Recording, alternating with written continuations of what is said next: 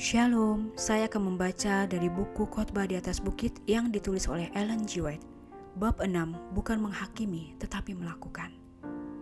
Pembahasan dalam Matius 7 ayat 15. Waspadalah terhadap nabi-nabi palsu. Guru-guru palsu itu akan datang untuk menjauhkanmu dari jalan yang sempit dan gerbang yang sesak itu. Hati-hatilah terhadap mereka. Walaupun tersembunyi dalam pakaian domba, dalam hati mereka adalah serigala-serigala yang sedang mencari mangsa. Yesus memberikan suatu ujian yang olehnya guru-guru palsu dapat dibedakan dari guru-guru sejati. Dari buahnya lah kamu akan mengenal mereka, katanya. Dapatkah memetik buah anggur dari semak duri atau buah ara dari rumput duri? Kita tidak diminta menguji pembicaraan mereka yang indah-indah dan pengakuan yang muluk-muluk.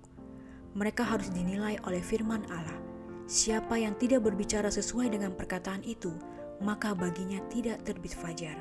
Hai anakku, janganlah lagi mendengarkan didikan, kalau engkau menyimpang juga dari perkataan-perkataan yang memberi pengetahuan. Yesaya 8 ayat 20 dan Amsal 19 ayat 27. Pekabaran apa yang dibawakan guru-guru ini? Apakah itu membawamu untuk menghormati dan menakuti Allah? Apakah itu membawamu untuk menyatakan kasihmu kepadanya? Dengan setia memelihara hukum-hukumnya? Jika manusia tidak merasakan bobot dari hukum moral, jika mereka menganggap enteng peraturan-peraturan Allah, jika mereka melanggar salah satu dari hukum-hukumnya yang terkecil dan mengajarkan seperti itu kepada manusia, mereka tidak akan berharga dalam pandangan surga. Kita dapat mengetahui bahwa pernyataan-pernyataan mereka tidak mempunyai dasar. Mereka sedang melakukan pekerjaan yang benar-benar berasal dari kerajaan kegelapan musuh Allah itu. Tidak semua yang mengakui namanya dan memakai lencananya miliknya.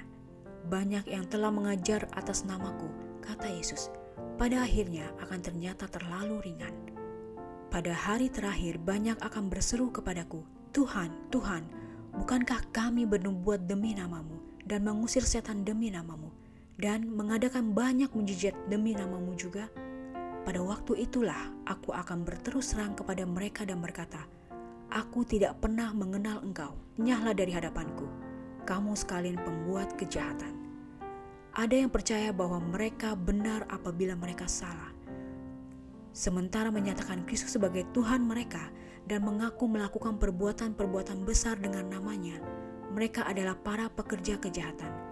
Mulutnya penuh dengan kata-kata cinta kasih, tetapi hati mereka mengatakan firman Allah bagi mereka adalah seperti seorang yang melakukan syair cinta kasih dengan suara yang merdu. Yang pandai main kecapi, mereka mendengar apa yang kau ucapkan, tetapi mereka sama sekali tidak melakukannya. Yeskel 33 ayat 31 dan 32 Mengaku murid saja tidaklah berharga. Iman di dalam Kristus yang menyelamatkan jiwa bukanlah apa yang ditunjukkan oleh banyak percaya-percaya, kata mereka, dan kamu tidak perlu memelihara hukum. Tetapi kepercayaan yang tidak membawa kepada penurutan adalah kepongahan. Rasul Yohanes mengatakan, Barang siapa berkata, Aku mengenal dia, tetapi ia tidak menuruti perintahnya, ia adalah sependusta dan di dalamnya tidak ada kebenaran.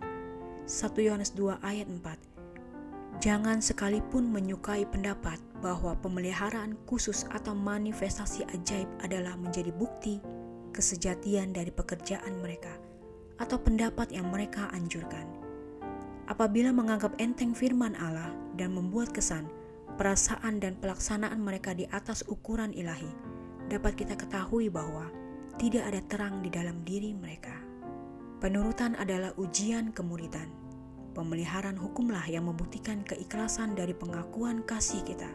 Apabila ajaran yang kita terima membunuh dosa di dalam hati, menyucikan jiwa dari kecemaran, menghasilkan buah kesucian, dapat kita ketahui bahwa ajaran ini adalah kebenaran Allah.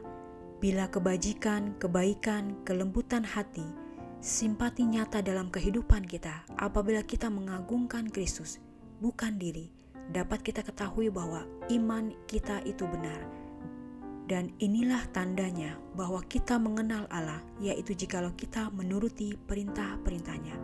1 Yohanes 2 ayat 3 Demikianlah bacaan buku khotbah di atas bukit bab 6 bukan menghakimi tetapi melakukan. Pembahasan dalam buku Matius 7 ayat 15 Waspadalah terhadap nabi-nabi palsu. Tuhan memberkati.